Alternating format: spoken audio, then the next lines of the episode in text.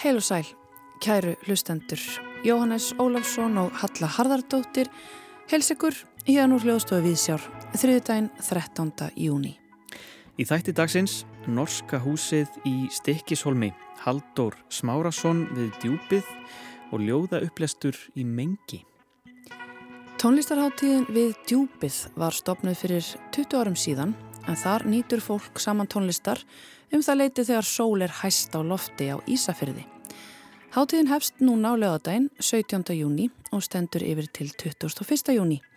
Ímis námskeið verða þar á dagskrá sem og yfir tíu tónleikar þar sem að tónlistafólk úr ólíkum áttum flyttur fjölbreyta klassiska tónlist. Haldur Smárasson tónskáld er einn þeirra sem frumflytja þar nýja tónlist en hann hefur sterkar taugar til háttíðarinnar enda ísferðingur og hefur oft tekið þátt. Haldur hefur komið víða við í tónlistarlífinu frá því að hann laug framhaldsnámi frá Manhattan School of Music frá 2014, bæði sem tónskáld, útsetjari og pianisti. Hann hefur unnið með Sinfoníu hljómsveit Íslands, útvars hljómsveitum Parísar og Stuttgart, auk margra af þekktustu kammersveitum heims. 2020 kom út hans fyrsta hljómplata, Stara, undir merkjum bandaríska útgáfu fyrirtækisins Sono Luminous. Haldur verður gestur okkar í þætti dagsins og segir okkur frá sínum tónsmýðum og tengingu sinni við háttíðina við djúpið. Norska húsið á Stikkisholmi er elsta tvíleifta íbúðarhús landsins, reist úr tilsniðnum viði frá Noregi 1832. Það er í dag byggðasafn snæfellinga og nappdæla. Við heimsækjum Norska húsið í dag og heyrum af nýri grunnsýningu sem nú er þar í vinslu og gert er ráð fyrir að verði opnuð síðar í sumar. Við heyrum í sapstjóranum Hjördísi Pálsdóttur og önnum Melsteð sem er meðal þeirra sem vinnur að nýju síningunni. En við hefjum þáttinn á bókmyndalífinu í Reykjavík. Við sjá slóa þráðun til Brynju Hjálmsdóttur og fekk að vita aðeins meira um skaldalífið í miðbænum.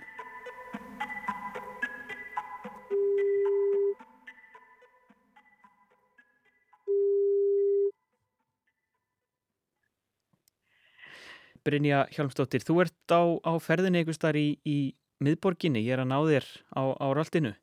Já, en mitt ég er hérna í blíðirinu, á röldum bæinn. Akkurat, maður er að nýta tækifærið. Um, það verður svolítið ljóða líf í miðborginni uh, í, í mengi á, á næstunni. Það er um, að hefjast annað kvöld uh, svona ljóða serja. Segð mér aðeins hvað, hvað er að fara að gerast? Herðu, það er nefnilega alltaf spennandi viðburður. Það er uh, Ljóð og vinir. Þetta er ný viðburðaröð sem að ég á skáldakollektífinu Svíkaskáld uh, við stöndum fyrir þessu sammenningu af því að við elskum ljóð og við erum vinis. Emmitt, það er ekkit flóknar en það? Nei. Og þetta er svona, já, ég voru að segja, vitaminsbröta í, í ljóðasennuna. Það er alltaf gaman þegar ný uh, svona ljóðakvöld Eh, dúku upp og, og þarna verða bæði uh, ný skáld og ung skáld og í bland við uh, reyndari sem ætla að lesa þarna upp. Uh, hvernig, hvernig verður þetta? Sko hugmyndin er alltaf að þetta sé mitt eitthvað svona vettmangu fyrir eitthvað svona samtal sko. Fyrir hérna sagt, reyndari höfunda eins og þú segir og síðan nýri og hérna það sem að allir einhvern veginn geta komið saman og uh, sínt hvað þið um býr.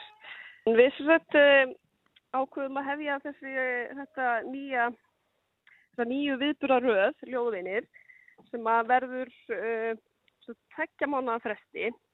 Þannig að við ætlum að reyna að halda svolítið dampi í þessu. Mm.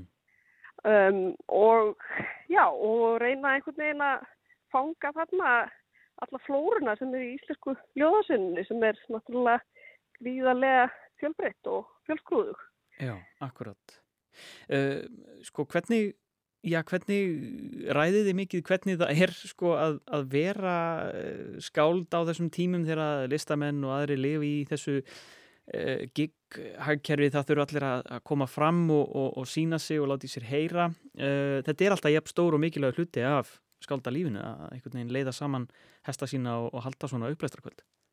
Já, það er svo sem líka bara, það er bara mikilvægt við fyrir sálina held ég og uh, hérna fyrir sko höfundan sjálfa náttúrulega koma saman, þetta náttúrulega getur verið svona einmannlegt jobb en, uh, en ég held einmitt að það er rosalega, rosalega holdt og gott að koma saman og lesa ljóð og hlusta á ljóð því að það er allt önnur upplifun heldur en að, heldur en að lesa. Þannig að það, það er svona, svona, svona samtalið við ljóðu getur verið alltaf svona prívat. Þannig að það getur verið gott líka svona opna, opna þetta mm. í hóp. Akkurát. Ég var einmitt að uh, tala við Sunnudís Mástóttur sem er nú eitt af sveika skáldum Uh, ég rætti við hana um daginn um, um eh, orðskjálta, uh, úrval norrætna ljóða og við vorum einmitt að tala um þetta sko, að, að það að vera ljóðskáld væri hópíþrótt í rauninni. Þetta þyrti á þessari svona félagsmiðstöð og þessi, þessi, þetta innmanna skáld væri bara algjör klísja og bara, jáfnveil bara eitthvað böll. Já, það eru bara náttúrulega rétt hjá henni sunnum minni eins og flest sem hún segir sko. Að þetta að sjálfsögðu af því að náttúrulega ljóðið er náttúrulega frá jæðrinum og það sem er á jæðrinum það verður til samfélagi þannig að þetta er náttúrulega líka bara, bara háttíð Akkurat. Og, og finnst ykkur þá þið hafið væntilega verið að ræða þetta mikið og, og finnst já uh, vanta, vanta meira af þessu? Það er væntilega ástæðan fyrir því að þið eruð að fara af stað með þessa nýju uh, upplestra serju Já, ég menna, það er náttúrulega kannski, um, svona já, okkur þurfa kannski að spýta aðeins aftur í að keira upp svona ljóðasennuna eftir kannski bara faraldurinn, kannski eins uh, langt og hann verðist vera einhvern veginn inn í einhverju gleimsku en, en það var kannski eitthvað svona smá hérna látiða þar og, og það þarf kannski bara svona smá átækt til þess að lifta þið aftur. En það er kannski líka bara aðlæti, sko, þegar frá því hvað sko þarf og þarf ekki. Það er bara svo ótrúlega gaman að fara á skemmtir hljóðakvöld. Það er eiginlega bara svona, það er ekki, það, það er kannski margir sem að hafa lítið stundað hljóðakvöld sem að hafa eh, kannski einhverja húmitur um hvernig það fer fram. Það er í grunninn bara ógist að skemmtilegt, bara skemmti kvöld. Þannig að mm. það er líka bara það sem við söknum. Þetta er bara svo geggja gaman. Einmitt. Og, og funduðu náttúrulega uh, hvað mest þegar að, þegar að það mátti ekkert uh, gera, gera það svona 100% Já. og við erum náttúrulega með alveg gríðarlega gott line-up hérna á fyrsta kvöldin okkar Já, hverju verða á fyrsta kvöldin? Herðu það er Sjón og uh, Ófög Sigursson Bergþóra Snæbjörns Magnea Mattiastóttir og Elias Knörr Pétur Magnússon og Karolin Rós og þetta er náttúrulega mjög mikið fólk úr öllum áttum og þetta verður alveg síkala skemmtilegt. Mm. Uh, næstu, næstu kvöld eru svo svona á tekniborðinu og það verður bara, þetta heldur bara áfram að verða skemmtilegt sko. Já, akkurat. Og þið verður vantilega þarna á sveimi og, og að kynna þetta inn og svona? Já. Já. Og svo, já, þið, þið náttúrulega munið eins og þú segir, haldið svo áfram og, og hafið eitthvað rætt svona markmiðin hvert, hvert þið stefnið? bara lengst út á, að, út á ljóðahafið.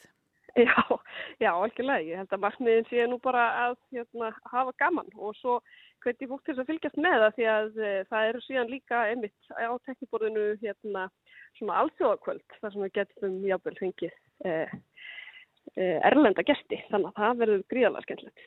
Einmitt, ljóð og, og erlendirvinir. Já, Einmitt. Og vitið eitthvað hvað þessi, þessi skáld, uh, Anna Kvöld, vitið þið uh, hvað þau verður að fara að lesa? Er það að fara að lesa úr útgefnum bókum eða, eða eitthvað nýtt? Já, við náttúrulega, þau fá uh, algjörlega ráða því sko. Þannig að við erum bara, við býðum bara spenntar að heyra. Einmitt. Og það er rétt að taka fram að það er frítt inn Já. sem er náttúrulega geggjaf. Brynja Hjálmstóttir, þetta er afskaplega spennandi og fyrir ljóða þyrsta þá bara hvetjum við fólk til þess að kíkja í, í mengi og þetta verður bara að koma óvart hvað eh, skáldinn, nýju og, og reyndari, hvað þau ætla að lesa. Bara bestu þakkir fyrir spjallið og, og eh, gangi ykkur vel. Takk hella fyrir og ég ætla bara að hlakka til að sjá alla hlustendur. Já, íslensku skáldinn er ekki neinum sumardvala. Í miðbæri Reykjavíkur verður mikið rennir í, þarna í mengi þegar ljóðskáldin lesa upp eitt af öðrum þessi upplestra seria, Ljóð og vinir hefst á morgun, annarkvöld og eh, já, verður reglulegur viðburður þarna í mengi. Á bakvið þessa ljóðaröð eru Sveika skáld Brynja Hjalmstóttir og Reykjavík bókmentaborg UNESCO. Já, en þá förum við úr miðbænum og í Stikkisholm þar sem að Guðni Tómasson var á ferðadögunum. Hann heimsótti meðal annars Norska húsið, byggðasafn, snæfellinga og hnappdæla reysulegt svartmálað hús í miðbænum.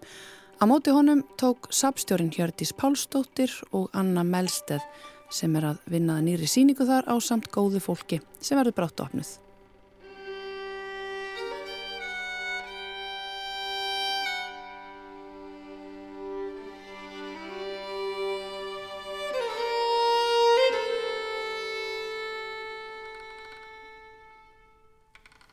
Hjördi starfseminn í Norska húsinu hjá ykkur. Um, já, tölum bara fyrst um húsið. Mm -hmm. Segðu mér aðeins frá þessu húsi. Þetta er Norska húsið og það var byggt ára 1832 og kallað Norska húsið þegar flutt inn frá Nóri, Arendal í Nóri. Mm. Þetta er fyrsta tvílifta íbúrhús á Íslandi mm. og hérna heit Árni Torlasjö sem let hérna flytja inn og byggja það fyrir sig og fjölskyldu sinna er í rauninni bara íbúðar hús þó þessi orðin svona menningamidja hér í bænum. Já, þetta var alveg íbúðar hús, fyrst í sapstjónum bjóðina held ég, ég held hún að vera hérna til 95 eða 6 þannig að það búi í húsinu þanga til Já. Já. og þessast fjölskytta árna þau byggu hérna til svona aldamóta 1900 og þá var bara ími starfsem í húsinu eftir það mm.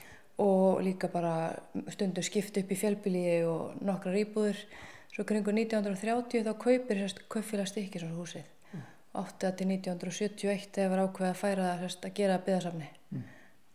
Og þetta er, það er góður andi í þessu húsi? Mjög góður andi, engin draugagangur. Engin draugagangur? Nei, mjög góður andi í þessu húsi. Og er þetta svona ákveðin miði að fólk tekur að eftir, eftir húsinu þegar það kemur inn í mhm. bæin? Já, og líka bara margir að velta fyrir sig hvað, hvað starf sem er séum hitt í húsinu. Já. Já. Og hver, hvernig er hún? Nú erum við hérna til dæmis innan fugglasýningu, þið getið þið getið aðeins svona breytt eftir því hvað hvað hugurum gyrnist Já, við erum með þessi tvö herbyggi hérna þetta er kallað hérna, uh, hérna mjölkurstofa já. og heitt var eldhús, hér var geimsla fyrir smjör og alls konar mm. og þetta við fyrir svona breytilega síningar það eru kannski alveg kannski frá þremur upp í fimm breytilega síningar yfir árið og síningi sem er núna ljósmyndi síninga eftir Daniel Bergman mm. sem nefnist Fugglar og Snæfellsnesi sem opnaði núna enda mass mm. Og mun standi eitthvað núna út í júni. Svo er verið að ganga frá síningu uppi? Já, svo er það stóra verkefni okkar sem er ný grunnsýning. Mm. Er síningi sem var hér, sem var hér heldraheimili stikisómi og var einhvern síning á heimili árna Tólarsíusar og önnu og bara hvernig húsi var hérna á 19. öld mm. en nú ætlum við að færa okkur yfir í 20. öldina. Mm. Gungum aðeins inn um, það er líka, það er svo mikið sjarmi í svona húsi bara til dæmis bara horfa niður í viðin á gólfinu. Já, algjörlega. Svo hversu, hversu hérna hversu sko upprunalegt er standhúsins? Það er bara að fært í sem upprunalegt horf, horf og mögulegt var þarna, og það er byrjað á því að upp úr 1970 en tóku auðvitað mörg, auðvitað mörg ár mm -hmm. Og fó líka bara eftir fjármagnu og öðru en það var líka svolítið svona hort til þessa hús þegar það var að vera að fara að gera upp fleiri hús. Þetta var svona svolítið fyrirmyndin að því og kveikjan hjá mörgum Já. að fara að gera upp gamlu húsin. Þetta er svona ásvipun tíma og bara torfu samtökin eru að leikna við og, já, já, á þessu tíma líka kringu 1978 ég ger húsakonin í stíkisómi og það held ég vakti líka svona áhuga fólks á að fara huga, huga þessum húsum. Já, og það hefur verið ansið mikil vakning í bænum undanförnu að ganga vel frá þessum húsum. algjörlega. Og alltaf gaman að sjá þegar verið að taka fleiri, fleiri húsi gegn. Já. Svo varstu nú, ég var að benda hérna á eitt hús bara út um gluggan og það, það Það, þú svaraði bara þetta er, þetta er bara nýtt Já, og þetta virkir eins og hérna, 200 ára. allavega tvö, allavega tvö hús hérna, hérna þetta hér og hérna æðarsetrið sem hafa byggðið nýlega í svona gömlum stíl og setur bara mjög skemmtilega söp á bæinn. Það er bara mjög gaman þegar fólk vil byggja svona og maður átta sig ekki alveg á hvað er hvað. Nei, ég veit, ég veit það er bara gaman að, að byggja ekki alltaf nýtt í skús. Mm. sko hvernig hérna ef við hugsaum svona um gestahópin sem hinga kemur mm -hmm uh, er þetta auðvitað náttúrulega aðalega útlendingar eða hvað sem komið? Ég held að sé svona helmingur útlendingar, helmingur íslendingar. Já, já. já það er hefðið verið kringu það síðustu hérna auðvitað náttúrulega síðust ár fleiri íslendingar út af COVID en já. það er svona, þetta er að verða að koma í sama horf aftur sko. Já. Þannig að það er ágættis balans og fólk er forvitið um starfseminn og um húsið? Já, algjörlega, algjörlega. Svo að koma mikið af hérna, skemmtifæraskipum hérna í hólminn undafarið, kemur mikið fólki frá þeim Þetta er aldrei gaman hérna, ég ætla að fá að skoða eitt með þér, þess að hérna þegar maður kemur inn í húsið, þá eru, þá eru uppdrættir af stikkishólmi Já. sem eru svo, svo ótrúleir fyrir mér. Hérna til dæmis sko agnarsmátt kort Já. þar sem all húsin er inn á, Já. þetta er frá hvað, þetta er einna mótið 10.000, sérst, sérst á þessu dagsetning. Nei, mér sýnist Nei, mér sýnist það ekki. En þetta, en, þetta er sérst hérna uh, myndir sem við tókum um þetta því nú að vera að breyta síningun uppi. Já. þá tókum við svona ymsa muni niður sem við ætlum að halda, þetta er til dæmis hérna, skrifstu orðna tólasíðis og hann var meðal svona þekkt, hvað þekktastu fyrir veður aðtöðuna sínar Já. sem hann hófa ára 1845 og við fengum með mitt stykki sem við fekkum hérna viðkenningu fyrir nokkrum árum fyrir meir en 100 ára samfélda samféldar veðuratönu sem eru reyndir alveg að verða 200 ára. Já, Já, sem að hérna, hann hefur þá verið áhuga samar um að sapna, hér er baromet upp á vekk og, og hittamælir og... Já, já. hann var mikill fræði maður og svolítið undan sinni samtíð. Og þetta er skrippborðið hans, hérna, sem stöndu við? Já, svona tilgáttu skrippborð, en, en hér eru, eru samt hérna ljósitt úr hérna viður aðtöðuna bókum hans. Já, mm -hmm. og þær eru allar varvittar já, til. Já, já. En hvað horfum við á hér? Hér er... horfum við á orðnatólarsjús og önnum aðdalinu. Já, þetta eru hjónin. Þetta eru hjónin og þau áttu til dæmis þessa stóla og þessa klukku og þetta hérna, koff, hérna skattól já. og þarna eru myndir sérst að börnum þeirra og þetta hér er Ólafur Torlasjús hann var sérst fadir árna. Já. hann bjó á Bíldudal og hérna hann átti sérst jarðegnir hérna í Stíkisómi og hann var, einna, var fyrstur íslendinga til að flytja út í saltfisk já, og var bara mjög auður einna auðustum íslendingum á þessum tíma. Og hann deyr þegar Árni og Ólafi bróður sem er ungir og þá erfa þeir hérna þessar eignir í stíkisum og bíldudal. Þetta er alveg fjölskylda. Já, og hér, hér sérst er, þetta er elsta hérna ljósmyndar stíkisum Hér er stíkið sem að stíkisum er nefndur eftir. Akkurat, Já. sem að ég var aðeins að rugglast með á sko, Ég held alltaf að stíkið væri fallbísu stykki en þetta er einhvers konar festar sem að er verið að tala um fyrir báta. Hér sjáum við til dæmis Norskásið og, og hérna Eilsús þannig að það er alveg einhverju húsunum og þessi myndi síðan 1868 mm -hmm. og stikkið sjálft mm -hmm. er eiginlega hérna í undir það er undir stóru brygginni undir brygginni þetta rugglaði mér aðeins. hún er byggð að með minnir í kringum 1909 mm -hmm. þetta er það er ímislegt sem maður lærir við Já, það farað á land. Ég ætla að fá að kíkja upp henni önnu og, og, og hérna frétta af því hvernig maður hannar eitt stykki síningu inn í svona hús. það er alveg áhugavert. Takk fyrir spjalli já, sem er leiðis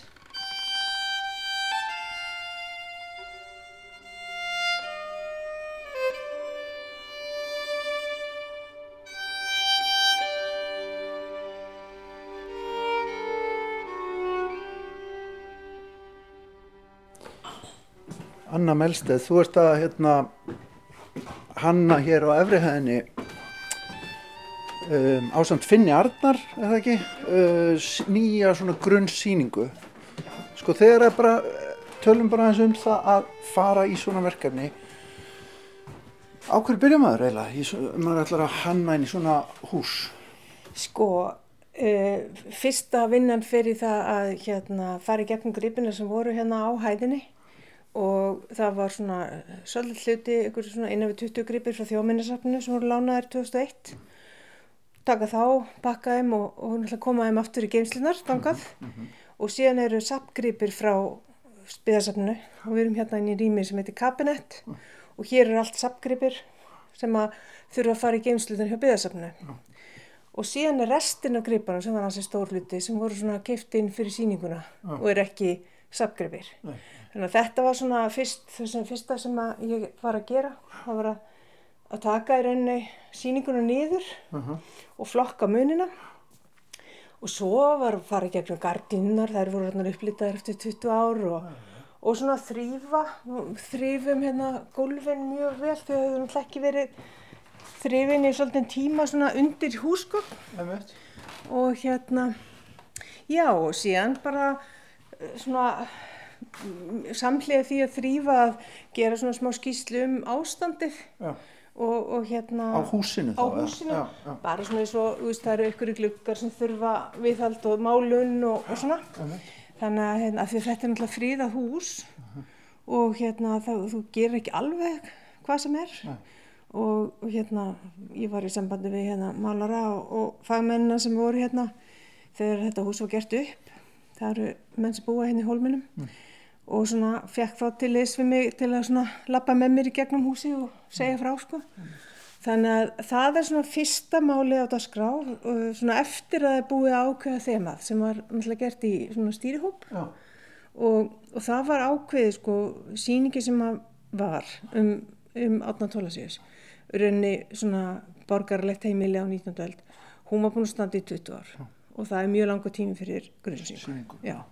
Já. Þannig að það var svona tekin umræða því að beðasafni er náttúrulega eign allar sveitafélaginu svona finnst þessi og síningin náttúrulega umhverfist um átna tólusjus í síkisúlmi mm. átundveld. Mjög lítið hluti landsmanna bjóði þessi kjör sem að átni og, og, og, og ennbætsmenni byggu við. Ja. Þannig að það var, þóttu rétt að horfa kannski til 19. aldar, eða 20. aldar segi og horfa aðeins á yngri sögumenn. Ja.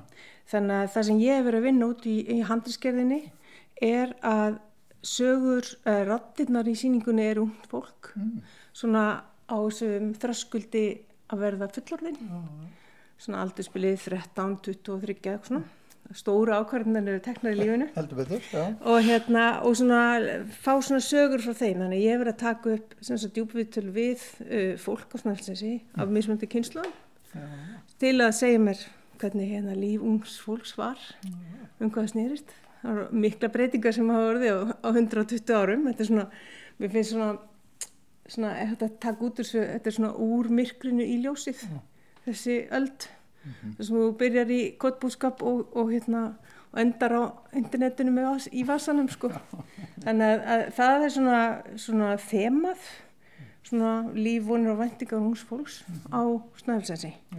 Þannig að núna erum við svolítið að fara í það að byggðarsafnið sé svolítið saga snæfelstas. Mm -hmm. Ekki bara embatsmann maður í hólmennum, þó hann hafi verið mjög merkilegur og, og allt það. -hmm. En það við gerum honum svona skil hérna í andirinu niðri með því að vera með hans skripi sem hann sannarlega átti til sínis og, og, og meilum þar sögum um, um hann og hans fjölskyldu. Svo sér maður að þeir eru svona að, rétt að byrja að tekna þetta upp að vera að smíða hérna struktúra inn í rýmið og, og, mm. og, og þar sem þetta göttunum er heilmikil hönnun sem þarf að hérna, eiga sér stað inn í þetta svona ég meina þessi golf til dæmis þessi orfnu golf hérna sem eru mm. bugðótt og kræklátt alls um öll mm -hmm. það skiptir hérna það skiptir mála að koma hlutunum einhvern veginn smeklega fyrir inn í svona viðkvæmu rými. Já, jú, og þess vegna líka hafði ég sambandi við Finn því að hann hafi gert alltaf síningum fyrir árbæðasatna og samstarfið þar þekkir þessi gamlu hús mjög vel mm -hmm. og við hittust og tölum um svona hvernig við getum þú veist gert þetta af því að í byggjarsafnist snæfildinga er sko norska húsi verðmættasti gripurinn. Já. Þannig að norska húsi sem slíkt verður alltaf sínilegt inn í öllum síningum mm -hmm. og við ákvaðum í rauninni að hafa það, leifa því að nota sín, ekki verið að byrja glugga eða neitt þess áttar. Þannig að það, það væri alltaf þessi gripur sem að hérna, var svona lagt svo mikið í að gera upp og, og hérna var svona mikil áhrifaldur í bara byggingasögu á Íslandi því að þetta er eitt af tveimur húsum sem er sko fríða samkvæmt nýjum þjóðminnilögum 1970 mm. hitt er í Ólásvík, pakkusi þar og hefur rauninu allir þessi áhrif er fyrir torfarsamtökinu þannig að þetta er mikill áhrifaldur í, í svona minja húsminja eh, húsverndun í rauninni. Mm. þannig að það verður alltaf sínilegt og það er, jú, það er flókið, það þarf að vera svona við erum búin að fá hérna söklarna smíðaða hérna í bænum mm -hmm. og það þarf að vera svona stillisgrúur öllum söklum svo að hallarmáli sem fer á sko að því að gólfið mitt er svo hérna sliti sko. Þannig að jú, jú. Og svona, og svo erum við svona aðeins að hugsa sko að vera með uh, sjálfbær efni uh, hérna, eins og síningaveggirni sem koma hérna ofan á söklana eru úr umhverfisvænum efnum þannig að sem er brentað á sko tekstar og annað. Þannig að við erum svolítið svona, jú við erum svolítið þar. Já. En svo, svo hlýtur út frá svona söguefninu og þessum viðtölum og þetta sem ást að nefna á hann, það hlýtur að vera svona einhver markmilunar hugsun í þessu líka. Jú, jú, jú. Það er, hérna, ég kem sjálfur því að þannig umhverfi að, hérna, markmilun og, og hérna, og e, bara mun sjá um að klippa hljóðamynd og, og svo listu og miðla, það verður svona, þetta verður verða svona tímabilsherbyggi, þannig að upp að aldarinn að byrja henni, henni að Morris var í og, og saði frá hérna, þarna einst. Það var bara hann, já, blessaður, sko. William Morris. Já, wow. og hérna, og svo endur við í skrifstofu átnartólasvíð sem er hérna í hínum endanum, þetta eru fimm lítil rými og þarna göngum við gegnum frá 1900 til 2010 og hérna, og síðan göngum við inn í stærri rýmin þar sem er svona svolítið aðri hlutir en í þessum hérna rýmum tímabilsrýmunum þar er sögumöður hvers tímabil og við byrjum til dæmis í breiðafjörðaræðunum þar er tvítustúlka 1901 sem segir frá. Og hérna og með í rýmunum verða gripir sem að sapnið á eða fer lánað frá öðrum söpnum sem að tengja unglingamenninguna sem var nú ekki til fyrir 1960 sko við hérna einstaklingin og tíðarandan Þannig að við erum líka svona að draga fram sko sapkost sapsins mm. yfir allt þetta tímabil til að tengja við þessa sögu þegar hlutirnir hafa allir sögu og, og eru svona liklar inn í tímabilin. Þannig að þú gengur frá sko organ, orgeli og langspil í fyrsta rými mm. og í bara fullkominn iPhone í síðastenými sem Já. sko tónlistarveitu unglsfólks og hérna þannig að það, það, það er svona ferði gegnum tíman mm.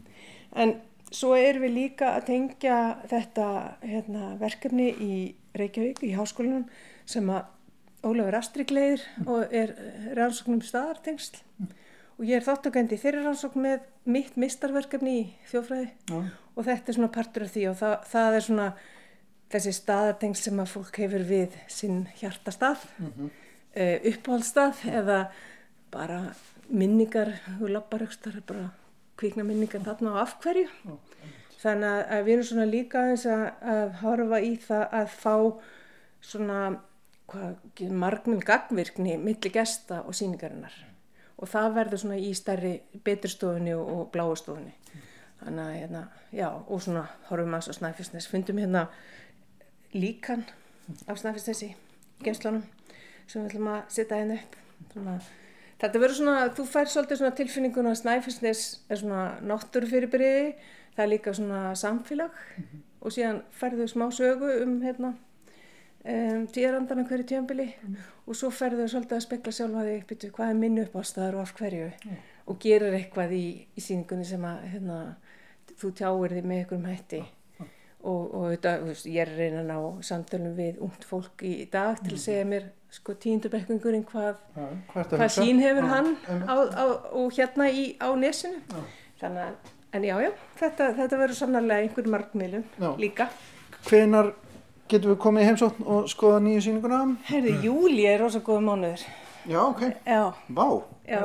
Gangið vel, þetta er svo sem rétt að byrja hérna síns mér. En, Já, já, þetta er sko þetta er að hérna hlutindir, þetta er, þetta er svona eins og dóminu það er eitt sem fer út og þá kemur hann aðeins staði en, en auðvitað er þetta bara undirbúningurinn er þannig að maður er bara að fletta í sarpinum sem er gangagrunnin um sapgripina og leita gripu sem henda e, svo er þetta tekstaskrif, ljósmyndir og síðan hérna þegar af veggjarum er farin að stað sem að verður í næstu viku að þá er, er ég að fara að klippa hljóðumind fyrir hérna, skjáina.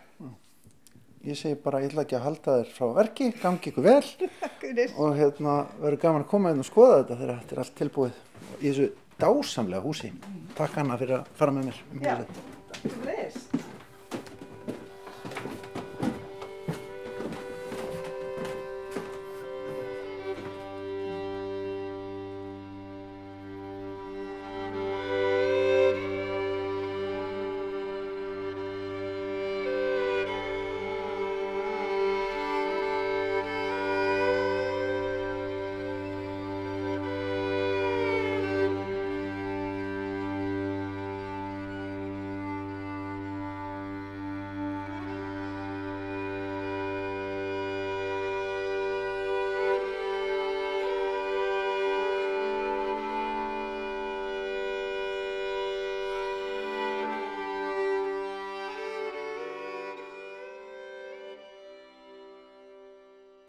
Tómasson heimsótti Norska húsið í Stikkisólmi og ræti þar við sapstjóran Hjördísi Pálsdóttur og önnum Melsteð sem þar er að snikka til nýja grunnsýningu inn í þetta merkilega hús á samt fleira góðu fólki. Tónlistin í einslæginu er úr smiðju norska fylguleikarans Bjarke Æge og hljómsveitarinnar sem hann veitir fóristu Barokk Sólisterinni. Og þá ætlum við að halda á aðrar slóðir aðeins vestar, allavega í huganum, en tónlistarháttíðin við djúpið hefst næstkomandi lögadag 17. júni og stendur fram til 21. júni. Ímis námskeið verða þar á dagskrá sem og yfir tíu tónleikar þar sem tónlistafólk úr ólíkum áttum flyttur fjölbreytta klassíska tónlist. Haldur Smárasson, tónskald, er eitt þeirra sem að frum flyttur þar nýja tónlist en hann hefur sterkar taugar til hátíðarinnar enda ísfyrðingur og hefur oft tekið þátt. Það sem að eftir lifir þáttar ætlum við að kynnast Haldur aðeins betur og hans tónsmýðum. Við byrjum á því að heyra stutt brot úr verki sem er að finna á hans fyrstu blötu Stara sem kom út 2020.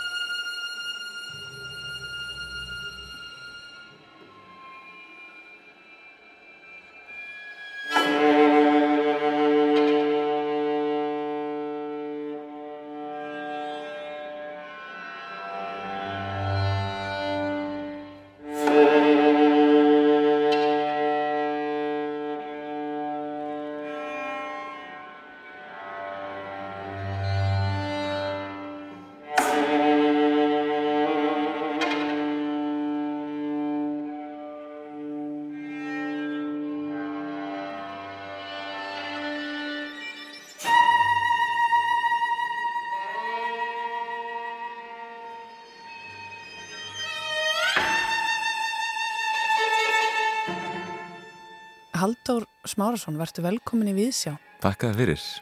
Hvað vorum við og erum svona aðeins ennþá að hlusta á? Já, þetta er verk sem er eh, opnunaverkið á fyrstu hljómblöðunum minni Stara sem kom út hjá Sónu Luminus útgáðinni árið 2020 og þetta er strengjakvartett eh, sem er tilengaður harmoníku hjónum að vestan með síðanu Marceliusdóttur og, og eh, áskeri Sigursinni sem að stopnuðu harmoniku vestferða og voru, þegar ég var unlingur voruðu mikið að lána mér alls konar harmoníkur og, og geisladiska og alls konar harmoníkur repertoar og mér þótti bara svo innilega væntum þau og ákvaða sem ég hann strengja kvartett sem óð til harmoníkunar mm -hmm. Það var aldrei komið til greina þegar þú varst ungur á Ísafyrði að bara leggja það fyrir þig að læra harmoníku? Ekki sérstaklega, ég sko lærið á piano frá því að ég var 7 ára gammal og kláraði framhaldsstíið eh, um tvítugt og eh, pianoði var og er mitt aðal hljóðfæri en svona á úlingisárunum þá var ég samt að grýpa meira og meira inn ykkurna og eh, svona fekk þá vinnu á sumrin að spila fyrir túrista sem voru að koma hérna í næsta köpstað á Ísafjörði með skemmtverðskipunum og það var mjög mikill skóli. Mm -hmm. En hvernig svona var eh, að alast upp og læra tónlist á Ísafjörði. Hvernig var náminu hátað? Sko það var bara dásamlegt. Tónlistaskólinn á Ísafjörði og tónlistaskólanir hann fyrir vestan eru bara rosalega stórar og mikilvæg menningarstofnanir í samfélaginu. Það er í rauninni, það heyrir eiginlega til undatækninga ef að krakkar fyrir vestan fari ekki ykkur tíman í tónlistanum sem er held ég ekki sjálfsagt og var bara ofbáslega bara, já ég ólsteila upp í tónlistaskólanum má segja. Uh, Og var píanóð alltaf þitt hljóðfæri? Já, píanóð var alltaf hljóðfæri nummer eitt. En svo þegar ég var svona 12 ára gammal þá fluttu við til Skotlands fjölskynda mín í halvt ár og það líka breytti lífið minnu ábærslega að því að þá svo hætti ég í námi í þetta hálfa ár. Og pappi kæfti hljómbor fyrir mig svona einfalt Yamaha 60 nótna hljómbor og e, þá fór ég bara í rauninu mikið að spila til eira og það svona breytti í rauninni svolítið hvernig ég sá tónlist og skildi tónlist og, og, hérna, og þetta var svona, já, mjög mótandi fyrir mig að því að þegar ég kemur aftur heim eftir þetta hálfa ár þá hérna stofnaði mína fyrstu hljómsveit fyrir vestan og við fyrir að spila böllum og semja tónlist og alls konar og þá fór ég að læra gítar líka og bassa og svona ímislegt og bara hugsaði einmitt, þá svona fór ég að skilja eitthvað hljómræna framvindu í tónlist og fór að nota eira miklu meira en hjælt líka áfram að hérna, læra á klassist pjána. Einmitt. En hvað er það þá við hljómborðið, þetta hljómborð sem að verður þess að fyrir svona hugsa öðru sinn tónlist? Já, það er góð spurning. Sko, þetta var náttúrulega svolítið svo búa ætliheimili hérna uh, í Skotlandi. Þetta var dásanlegt að mörguleiti. Við vorum bara öll fjölskyldan saman eiginlega öll kvöld og uh, við gerðum tvent við hérna, spilum Brits og ég var farin að spila Brits á netinu sko 12 ára við einhverja útlendinga í mjög frumstæri fartölu föðumins og, og svo sungum við rosalega mikið og hérna, mamma og pappi mitt keftu þetta hljómborð, keftu hérna íslensku sönglaugin hérna, þið vitið gormabókina hérna sem er í A5 eða eitthvað. Mm -hmm. og ég lærði í rauninni, sko, þetta er uppistaðan að mínum dinnermusíkkatalóg, sko, er bara þessi íslensku sönglaug en það í dag.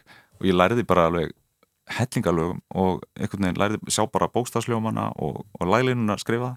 En ég gæti nota grunninn minn úr hérna lestrinum að -hmm. kunna lesunótur en á samanskapi, þú veist, byrjaði að hérna læra ykkur á voisingar og svona kannski grunninn í þess, mm -hmm. þessari ritmísku tónlist En hvenar er það þegar maður þú svona byrjar að semja sjálfur? Er það Já. í unglingarljómsveitunum eða? Já, þá má segja það það er bara fljóðlega hérna upp úr 12 ára 13 ára, þá hérna sagt, byrja ég eitthvað að fykta við tónsmíðar og það var nú aldrei neitt alvarlegt sko en svo þegar ég fyrir mentaskóla þá uh, voru við líka ofta að setja upp söngleiki og sömdum stundum músikina fyrir söngleikina sem var líka ótrúlega gaman já, það er ekki fyrir en að ég klára stúdendin og, og framhaldsbróði í píanónu tvítugur að ég fer söður í tónsmyndeldina í listafaskólanum og þá svona fyrst fyrir alvöru fer heimurinn opnast og svona ég fer að heyra einhverja nýjar vítir í músik sem að mm -hmm. ég bara hafði aldrei skinnjað áður sko mm -hmm.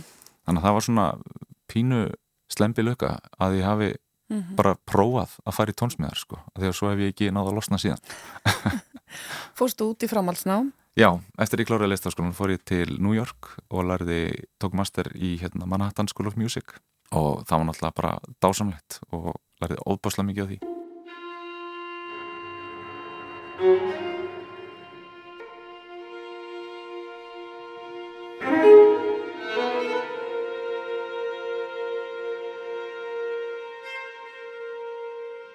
Verandi að fykta í alls konar músík fyrir vestan sem krakki þá að það hjálpaði óbúslega mikið held ég að vera á svona litlum stað af því að þú fær svo mörg tækifæri í rauninni til að koma fram mm. það er alltaf ykkur uppákomur í gangi bæði á hljómsveitinni sko þú veist maður var alltaf að spila okkur 17. júni áttíðum og ykkur svona alls konar uppákomum en eins bara þú veist undir hjá kórum og bara nefndu það sko alls konar mm -hmm. veislum og svona Stór hluti af bara náminu Já, í raun og veru, og bara fá að fara nút og, og spila, sko, mm -hmm. og ég man sérstaklega eftir því að ég kynntist Bergþóri Pálsson í fyrsta sen, þá var ég 15 ára á Ísafjörðu og hann var að koma á syngja hótel Ísafjörðu og ég var sem sagt bara designated pianist, sko, og ég veit ekki hvernig hún leist á það þá, en, en svo fórum við að vinna saman.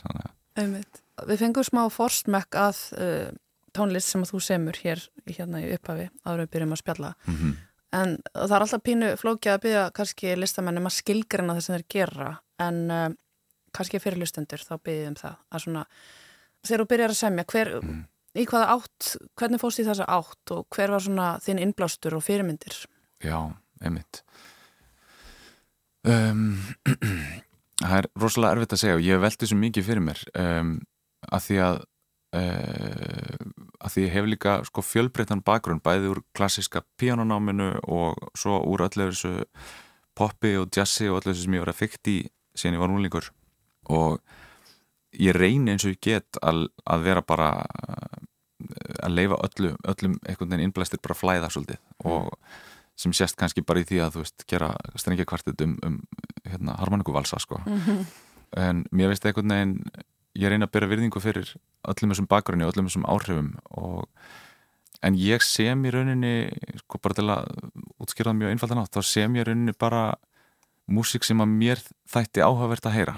Og ég hugsa bara svo mikið ef ég fæ hérna, hugmyndir að einhverju hérna, verkum eða hvort sem að er formtengtar hugmyndir eða konsept eða einhverja laglínur eða hljómræn framvinda þá hugsa ég bara ef að ég ef mér finnst þetta áhugavert þá finnst öruglega einhverjum öðrum þetta mm. áhugavert og þannig hefur þetta þróast og svo líka bara hefur maður verið svo heppin að vinna með svo frábærum listamönnum ég lefi því óbúslega mikið að hafa áhrif á sköpunarferðið sjálft og ég nýt þess að vinna náið með flytjandum mm -hmm.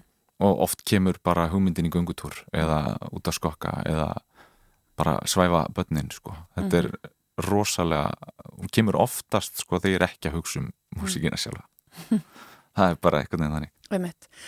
Förum aðeins aftur vestur af því að við mhm. ætlum líka að ræða þessa tónlistarháttíð sem var stopnud fyrir 20 árum og á að endurvekja núna aftur eftir smá hlýja, djúpið. Mm -hmm. Þú átt mikla tengingar við þessa háttíð Já, mjög góðar tengingar. Og í rauninni má segja bara að ég hafi svolítið svona, minn tónlistafyrir hafi svolítið þróast í kringum þessa háttíð bara frá því að hún byrjaði Uh, hún byrjaði þarna 2003 og ég man ekki hvort ég tók þátt í fyrstu háttíðin en mér finnst það mjög líklegt að ég tók þessi fyrstu ára sem úlingur þannig að var ég 14 ára gammal og tók ég þátt bara í píjánámasteglarsum uh, klassískum hjá Jónas Ingemyndasinni og Petur Mante og Halduri Haraldsinni og ég geti verið að glemja einhverjum þetta hafa fjölmarkir frábærir píjanistar komið þetta fram. Og það hafiði bara rosalega jákvæð áhrif á mig sem hérna píjanónimanda að fá fá að koma bara í masterclass. Þetta var í rauninni, maður rauninni að læra bara svolítið hvernig er að hvernig er að læra piano mm -hmm.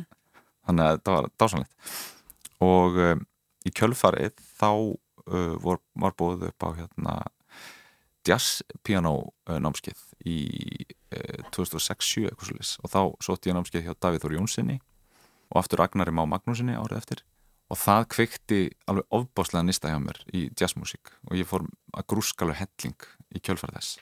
Emitt. Þetta sýnir bara hvað, hvað er mikilvægt að fá sko innspýtingu að utan Já, alltaf. Akkurat, já, akkurat. Það er ótrúlega góð punktur. Og líka því á þessum tíma sko er ég farin að spila óbúslega mikið á Ísafjörðu og maður er kannski svona mikið að koma fram en hérna, en það er svo rosalega mikilvægt emitt að fá að vera einhvern veginn hend út í djúbileguna líka sko. Og mm -hmm. þurfa, þurfa að fá okkur krefjandi áskorunir og, og svona og þetta er bara var dásanlegt og koma hárættum tíma einhvern veginn í mínu lífi sko. Og ég myndi halda að vera líka mikilvægt fyrir listamennina sem koma inn í þessi litlu samfélag og þetta er bara liftstöng fyrir alla bæði bæjarfélagið og fólk sem kemur öðna og verður fyrir væntarlega miklum innblæstri. Algjörlega og þetta hefnaðist líka alltaf svo vel sko, þetta voru hádegist tónleikar sem voru vel sóttir svo vorum kvöldið, þú veist, það var einhvern veginn, allt samfélagið tók þessu opnum örmum og mm -hmm. það er bara, og já, það er bara svo dásanlegt. En í kjölfæri sem sagt eftir að ég byrjaði þarna í, í listafskólanum og fer að læra tónsmöður, þá tók ég þátt í fyrsta skipti 2011 sem tónskáld og þá var ég einn af þreymur tónskáldum sem var valin til þess að vinna með kammerhóp sem hétt Ensemble ACJW og setna meir hérna Dakota. Það var einstaklega lært og sýtt mm -hmm. og hérna þarna voru vinnustofur sem voru leiðbendar af Daniel Bjarnasinni og þessi kammerhópur var frá Bandaríkjónum og þar var ungur og frábær sellisti sem heiti Sæmi Þorsteinsdóttir sem ég kynntist síðan mjög vel og við höfum unnið gríðalega náinn saman í síðust ár Það veit svo skemmtilega til haldur að við eigum upptöku að því að það var hljóðmaður rúf var þarna á staðnum. Að sjálfsögðu. höfum að heyra smá brot úr þessu verki. Þetta er óbókvartettin Grunnavík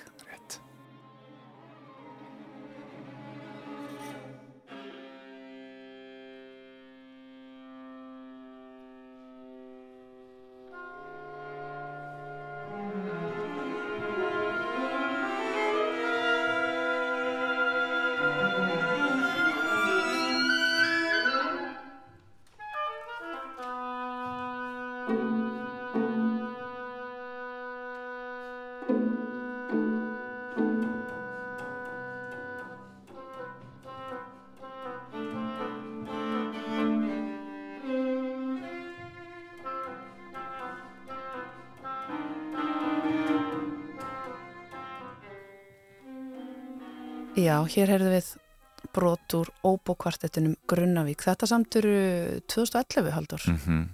Og tónmálið hefur svona aðeins þróast og þróskast síðan þá en við þykir einstaklega vendum þetta verk. Þetta var líka svo skemmtilegt að því að Grunnavík er sem sagt uh, staðurinn þar sem að pappi minn ólst upp í Jökulfjörðum. Einstaklega fallegur staður með stórbrunna sögu og Grunnavík laðist í Eyði sem sagt 1962 með skjallast ekki og þá fluttu allir úr grunnavíkur reppi og flestir til Ísafjörðar en á þessari háttíð sem sagt þarna, ég man ekki hvort það fyrir eða eftir frumflutningin á Grunnavík að þá fór hópurinn í skjóli nætur á gummituru út í Grunnavík eitthvað hálftíma eða klukkutíma ferð sko. og, og bara virti þetta fyrir sér hann er hérna, svo ótrúlega skemmtilegt að þetta gott að gera það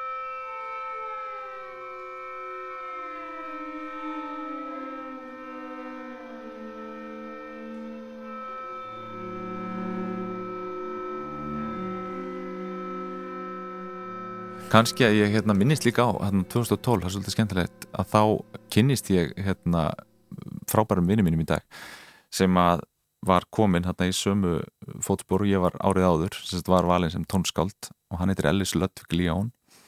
Hann er tónskáld fyrir bandaríkanum og býr í New York og sagt, við erum smullum alveg saman hérna á við djúbunu nema hvað að eh, strax hausti eftir var ég að fara í framhaldsnámi til New York og hann rettaði mér íbúðinni og var einhvern veginn algjör haugur í horni.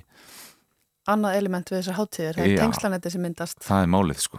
Og það er svo opastlega dýrmætt og það bara er svo góður fókus bæði bara til, til þess að vera saman og mynda, skapa góða minningar og, og hérna tala um ekki um að hlusta á tónlist. En hann Ellis sagt, hefur síðan þá margóft komið vestur aftur og til Íslands og bara elskar, elskar vestfyrði og hefur samið heilu plötunar og tilengað hérna, lögum nafnið vestfyrðir og svo framvegs en hann kemur aftur á hátíðinni ár einmitt, og með verk, þannig að þetta er einstaklega ánægilegt einmitt, margar sögur sem tengja mm, stjúpunu greinlega heldur betur og sumar sem á ekki segja í útvarpi. En um, og það var að flytja nýtt lag eftir þig, ekki satt, núna. Jú, akkurat. Það er einmitt eh, verk sem ég samti núna bara voru mánuðum og var frumflutt í New York uh, í mæ síðastlinum og það heitir Fjallkonu ljóð og er samið við texta Lindu Viljámsdóttur ljóðskálds á Seltjarnanesi og er opbúslega flott og, og kraftmikið feminist kvæði sem var samið fyrir sagt, Fjallkonun í Reykjavík 2018 og þetta verk var pantað af Colin Levin baritonsöngara og er, verður í flutningi hans og, og Evan Fine píana og leikra.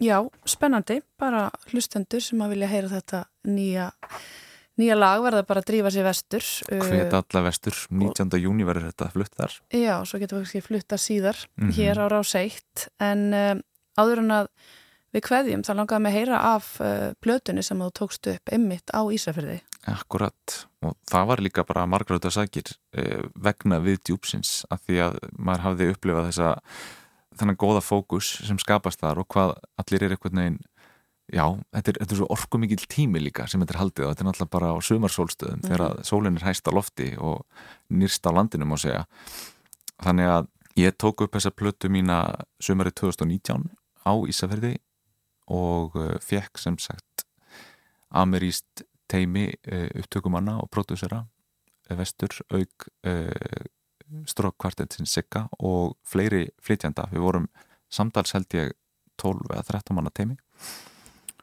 og það var bara einstaklega gefandi og ánægulegt og, og það var svo bara skemmtilegt að geta einhvern veginn skapað þetta rými fyrir, fyrir alla hérna, sem kom að þessu og fyrir þetta bara emitt að það er engin að hlaupa heim eða eitthvað annað gig eða, eða setja í þóttafélag sko, heldur er maður bara einhvern veginn á staðnum og allir hérna, eins og sé, sólinn hæst á lofti og maður er bara svolítið í vinnu fókus Gerist ekki betra? Alls ekki Við ætlum að heyra smá tóntæmi hér í lokin Örstuðt að lokum Haldur Smárasson, hvað er meira framöndan hjá þér?